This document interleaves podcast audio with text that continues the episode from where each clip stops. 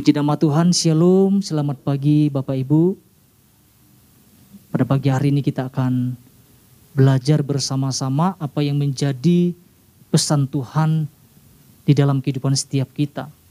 Pesan Tuhannya berbicara tentang alat yang berfungsi bagi Tuhan. Saya ulangi ya Bapak Ibu ya, alat yang berfungsi bagi Tuhan. Tiga hari kemarin berturut-turut kita belajar Bapak Ibu dan saya percaya setiap kita sudah diperlengkapi terus-menerus, sudah diberikan contoh-contoh, gambaran-gambaran supaya kita menangkap pesan Tuhan ini. Kalau kita perhatikan di dalam inti pesan Tuhan, ada sesuatu yang yang menarik yang Tuhan tekankan. Saya akan bacakan Bapak Ibu ya, tapi tidak semuanya saya bacakan dalam inti pesan Tuhannya. Seperti ini yang Tuhan sampaikan. Tuhan menyatakan bahwa sebagai manusia kita adalah pribadi-pribadi yang tidak jauh berbeda dengan kebanyakan orang pada umumnya. Namun yang membedakan adalah status dan fungsi kita di hadapan Tuhan. Yang membedakan adalah status dan fungsi, fungsi kita di hadapan Tuhan sebagai alat di tangan Tuhan. Dikatakan selayaknya ia ingin setiap kita sungguh-sungguh berfungsi bagi kepentingan kerajaan sorga secara konsisten. Ini yang Tuhan mau tekankan, berfungsi secara konsisten. Konsisten artinya adalah tetap Bapak Ibu. Konsisten artinya tidak berubah-ubah. Taat, selaras, atau sesuai. Itu dari pengertian konsisten. Konsisten ini berbicara tentang apa namanya? Sebuah rujukan tentang panggilan Yesaya sebagai alat Tuhan. Sebagai nabi Tuhan yang secara konsisten dalam hal menyuarakan suara Tuhan. Sekalipun pelayanannya dianggap tidak berhasil atau dianggap gagal Bapak Ibu. Namun bagi Tuhan kan tidak, Yesaya ini kan tidak gagal kan. Dalam pandangan Tuhan, Yesaya ini berhasil dalam pelayanannya. Melakukan fungsinya sesuai dengan apa yang Tuhan mau kan. Karena kalau kita pelajari Bapak Ibu di pasal pasal 6 ayat 9 sampai 11 ternyata pesan-pesan yang disampaikan Nabi Yesaya bukan pesan yang membuat orang-orang Israel bertobat sebenarnya. Coba nanti Bapak Ibu boleh pelajari ya. Tetapi sebaliknya, pesan yang disampaikan Allah membuat orang-orang semakin jauh sebenarnya di hadapan Tuhan. Mari kita lihat Bapak Ibu, pasal 6 ayat 9 sampai 11. Saya akan bacakan secara cepat. Demikian firman Tuhan. Kemudian firmannya, pergilah dan katakanlah kepada bangsa ini, dengarlah sungguh-sungguh, tetapi mengerti jangan Lihatlah sungguh-sungguh tetapi menanggap jangan. Ayat 10, buatlah hati bangsa ini keras dan buatlah telinganya berat mendengar dan buatlah matanya melekat tertutup supaya jangan mereka melihat dengan matanya dan mendengar dengan telinganya dan mengerti dengan hatinya lalu berbalik dan menjadi sembuh. Ayat 11.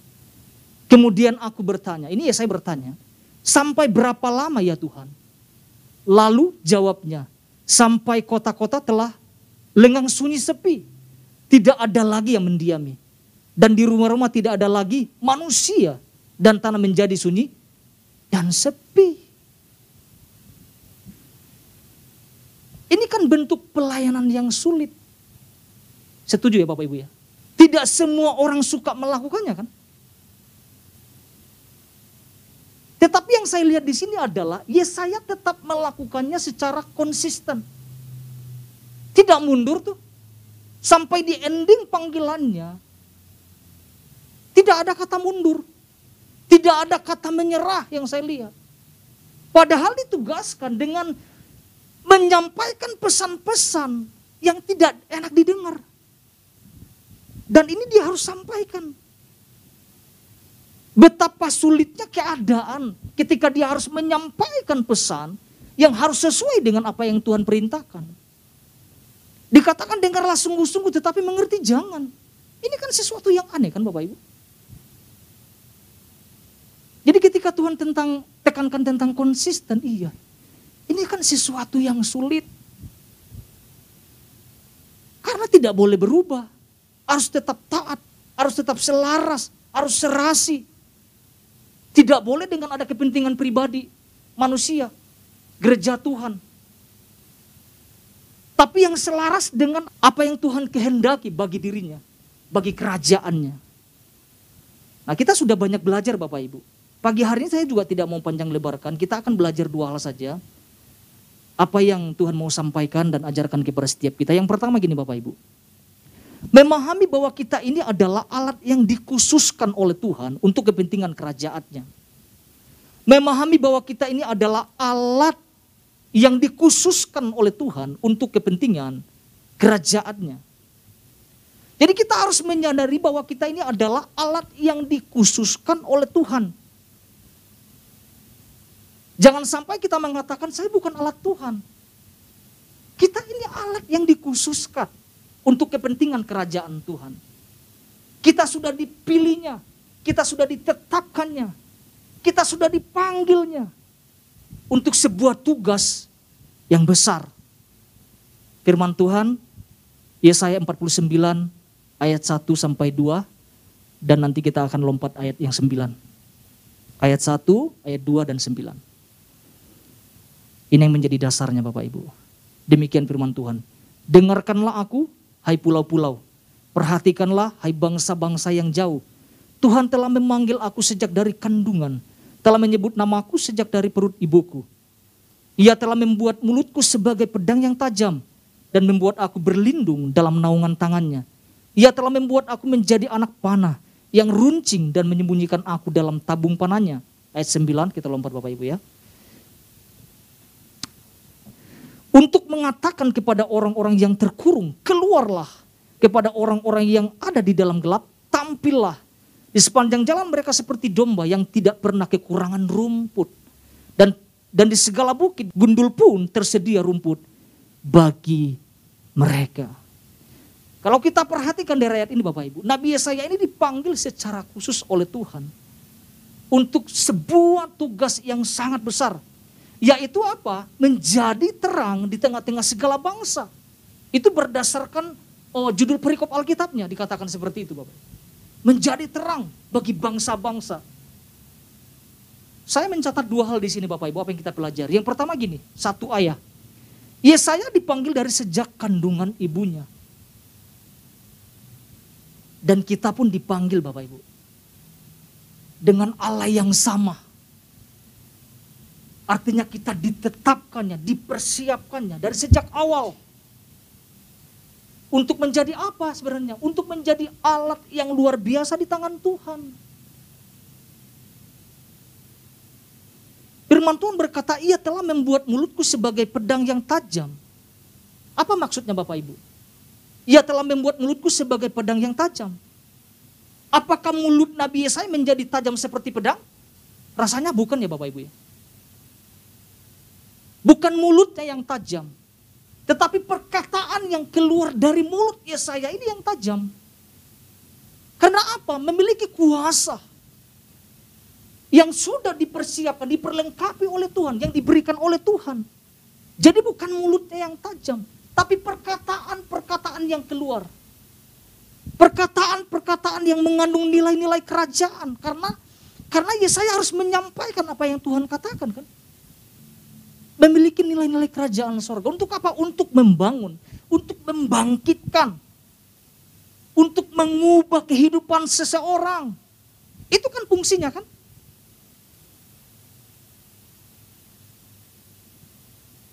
Itu hanya sebuah penggambaran. Dikatakan mulut yang tajam.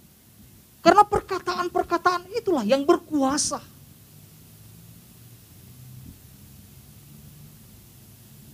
Untuk membangun orang-orang di sekitar kehidupan Yesaya dan juga kehidupan setiap kita Bapak Ibu. Tuhan mau kita berfungsi seperti apa yang Tuhan mau kan. Yang kedua dijelaskan apa Bapak Ibu? Yang satu B-nya. Yesaya menjadi alat untuk melepaskan orang-orang yang terkurung dan juga hidup dalam kegelapan. Itu ada ayatnya di ayat 9 bagian A Bapak Ibu. Firman Tuhan berkata seperti ini. Untuk mengatakan kepada orang-orang yang terkurung, keluarlah. Kepada orang-orang yang ada di dalam gelap, tampillah. Jadi saya merenungkan ini Bapak Ibu. Saya merenungkan bahwa seperti inilah yang Tuhan mau kita lakukan. Yaitu berfungsi seperti yang Tuhan inginkan membebaskan orang-orang yang hidup dalam kegelapan. Yang terkurung dikatakan keluarlah. Untuk membebaskan orang-orang yang hidup dalam ketakutan. Kita sedang menghadapi apa ini Bapak Ibu? Ada banyak orang-orang percaya juga mungkin ikut takut dalam keadaan situasi sekarang. Nah, dengan pesan ini Tuhan mau kita berfungsi sebagaimana Tuhan rindukan. Coba saya merenungkan ini Bapak Ibu ketika dapat pesan ini, saya juga langsung belajar gitu. Iya ya, dalam keadaan seperti ini ketika Tuhan ngomong berfungsi secara konsisten. Itu tidak gampang, itu tidak tidak mudah Bapak Ibu. Ada orang-orang yang harus kita lepaskan, orang-orang yang terikat, orang-orang yang terbelenggu, ada banyak orang-orang di sekitar kita yang mengalami ketakutan untuk menjalani kehidupannya. Nah lewat kita Tuhan mau pakai kan, berfungsi. Sesuai dengan tujuannya.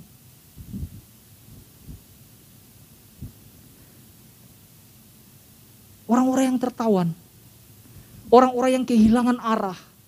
Orang-orang yang kehilangan tujuan hidup. Orang-orang yang hidup tidak punya pengharapan. Dengan tujuan ilat Tuhan mengatakan, ayo berfungsi ada banyak tugas-tugas yang dipercayakan di luar sana Bapak Ibu. Tapi kalau kita hanya melewati pesan Tuhan ini, ah berfungsinya hanya satu minggu. Tidak, ini kan sepanjang tahun kita akan terus berfungsi. Katakan amin Bapak Ibu. Untuk apa? Untuk membebaskan orang-orang yang sedang terikat. Orang-orang yang hidup dalam ketakutan. Inilah tujuan Tuhan membawa kita. Ketika Tuhan kasih pesan ini. Saya tanya kepada diri saya sendiri ketika belajar, Tuhan saya udah berfungsi apa enggak ya? Jangan-jangan saya mengatakan gini, saya berfungsi, Tuhan bilang enggak, kamu enggak berfungsi. Tuhan saya berfungsi, saya kan melayani. Ya kan? Tuhan bilang enggak, kamu enggak berfungsi. Makanya kan dijelaskan kemarin, karena ada juga alat yang enggak berfungsi. Ada juga gereja Tuhan tidak berfungsi. Ada juga mata yang tidak berfungsi, telinga yang berfungsi, tidak bisa mendengar, tidak bisa melihat, tidak bisa memandang jauh ke depan. Nah, semuanya kita fungsikan. Iya kan? Tuhan yang memfungsikan itu. Kita hanya sebagai alatnya. Tuhan gak mau kita diam Bapak Ibu. Tuhan mau kita tangkap ini. Karena ada tugas penting yang Tuhan percayakan selama satu tahun ini. Yang melalui apa namanya visi Tuhan yang Tuhan kasih. Itu poin pertama kita dapat pelajari bersama-sama. Yang kedua, yang kedua adalah kita harus menjadi pribadi yang selalu siap dipakai oleh Tuhan. Ini penting sekali Bapak Ibu. Kita harus menjadi pribadi yang selalu siap dipakai oleh Tuhan. Kita kan dikatakan prajurit Tuhan kan Bapak Ibu. Ada nggak prajurit mengatakan tidak siap? Yang namanya ketentaraan selalu siap, siap, diutus siap. Karena pernah saya waktu praktek di Banjar, kan banyak orang tentara di situ tiap kadang-kadang setiap minggu itu bisa enam orang datang makan bersama-sama. Ketika ada ada telepon dari dari atasannya, tidak ngomong selalu tidak, tidak, tidak, selalu siap, siap, siap. Tetapi saya ketika merenungkan ini Bapak Ibu, mungkin ya di antara kita sebagai orang-orang percaya. Ketika dipercayakan kita selalu juga, ah jangan saya lah, nggak siap. Ya kalau posisi kita mungkin lagi sakit mungkin boleh lah. Tapi kalau kita lagi sehat, dengan dengan lantang kita bilang Tuhan saya nggak siap, waduh Ya, kita bukan prajurit yang katakan seperti itu kan.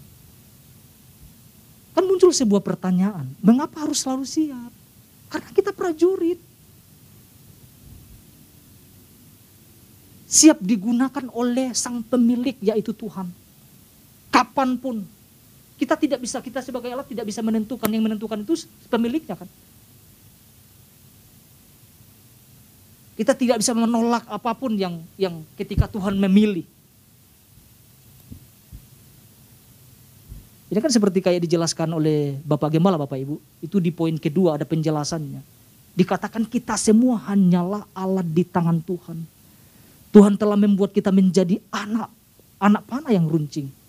Untuk digunakan berdasarkan apa? Tujuan dan kehendaknya sendiri, bukan kehendak kita. Tetapi apa yang menjadi kehendak Tuhan bagi kerajaannya. Mari kita lihat firman Tuhan Bapak Ibu. Yesaya 49 ayat yang kedua. Saya akan bacakan semuanya. Tetapi saya mau tekankan itu bagian 2B-nya. Ia telah membuat mulutku sebagai pedang yang tajam dan membuat aku berlindung dalam naungan tangannya. Ia telah membuat aku menjadi anak panah yang runcing dan menyembunyikan aku dalam tabung panahnya. Ada kata yang menarik. Menyembunyikan aku dalam tabung panahnya. Kayaknya bukan menyembunyikan deh. Tapi menyimpan. Itu pemilihan bahasa saja. Karena kalau kita perhatikan di dalam tabung Bapak Ibu ya, di dalam tabung panah itu bukan satu anak panah. Ini kita udah dijelaskan dari kemarin ya, berulang-ulang. Di dalam tabung itu banyak anak panah. Tapi tergantung mana yang dipilih yang harus dilesatkan terlebih dahulu kan. Bukan anak panahnya, ah, saya dulu, saya dulu nggak bisa. Tergantung pemiliknya.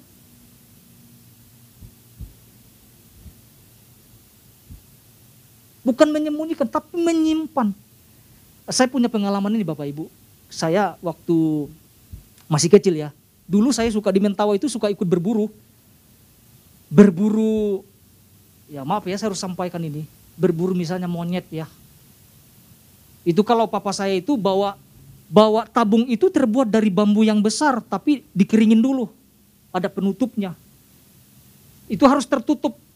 Karena waktu lari ngejar sesuatu, jangan sampai anak panah ini keluar. Semua burung-burung yang besar di panah. Ya kan binatang-binatang yang yang merasa cocok dengan di mulut ya panah gitu ya. Seperti itu yang saya perhatikan iya ya disimpan untuk tujuan dilesatkan pada waktunya nanti. Nah, saya mendapatkan gambaran ketika saya mempersiapkan ini Bapak Ibu. Gambaran yang saya dapatkan adalah tentang kehidupan Yesaya dan orang-orang Israel. Yesaya ini digambarkan sebagai anak panah yang ada di dalam tabung tersebut. Artinya siap dibidik, siap dilesatkan sang pemilik yaitu Tuhan. Sedangkan gambaran yang kedua adalah tentang orang-orang Israel yang tidak tersimpan dalam tabung. Kalau kita mempelajari tentang kehidupan bangsa Israel Bapak Ibu. Ini kan Tuhan pilih bangsa ini untuk tujuan khusus kan. Untuk menjadi saksi-saksi bagi bangsa-bangsa kan. Bahwa Israel itu punya Tuhan. Ternyata mereka tidak di dalam tabung ini dalam pengertiannya. Mereka tidak siap untuk ditugaskan, mereka tidak siap untuk dilesatkan kan. Mereka tidak siap untuk dipungsikan. Gambaran ini yang saya lihat. Yesaya adalah oh, berbicara tentang gereja Tuhan yang selalu konsisten, yang selalu berada di dalam tabung. Kapan pun siap untuk dilesatkan. Tetapi mari di sini saya lihat adalah ada bangsa Israel seharusnya dipungsikan Tuhan untuk bangsa-bangsa. Ternyata apa yang dikatakan Alkitab? Mereka tidak termasuk di dalam tabung tersebut kan. Mereka tidak tersimpan, mereka keluar dari tabung itu. Saya melihat ini, saya merenungkan ini. Ini gambaran gereja masa kini. Ada orang-orang yang apa namanya siap untuk dilasatkan, ada juga yang tidak. Ada yang siap untuk dipungsikan sama Tuhan, ada yang tidak. Itu sangat sangat berbahaya kalau kita nanti Tuhan ketika berpatnya dipungsikan, tapi kita di luar tabung.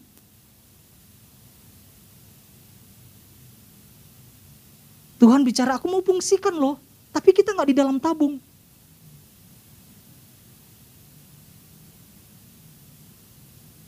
Ini ini sesuatu yang dapat kita renungkan bersama-sama Bapak Ibu. Karena saya melihat ini, ya saya selalu siap. Gak enak dia harus menyampaikan sesuatu yang gak enak bagi bangsanya sendiri. Tapi mesti disampaikan gak enak. Harusnya bangsa Israel menjadi terang bagi bangsa-bangsa yang difungsikan oleh Tuhan. Gak jadi. Mereka menjauh. Mereka nggak mau siap dipakai oleh Tuhan dan sebagainya. Jadi apa yang inti yang mau sampaikan Bapak Ibu? Harus berada dalam tabung. Dalam pembentukan Tuhan dan sebagainya. Dalam proses-proses Tuhan. Karena ada waktunya nanti Tuhan akan menggunakannya untuk bagi kerajaannya.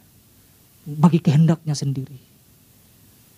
Jadi tugas kita adalah sebagai manusia, sebagai ciptaan Tuhan, kita harus renungin ini. Jangan jauh-jauh dah. Kita harus kejar Tuhan, kita harus berada dalam lingkaran itu. Supaya kapan pun Tuhan mau pakai, kita selalu siap. Jadi dua hal ini yang kita dapat pelajari bersama-sama Bapak Ibu. Tuhan Yesus memberkati setiap kita.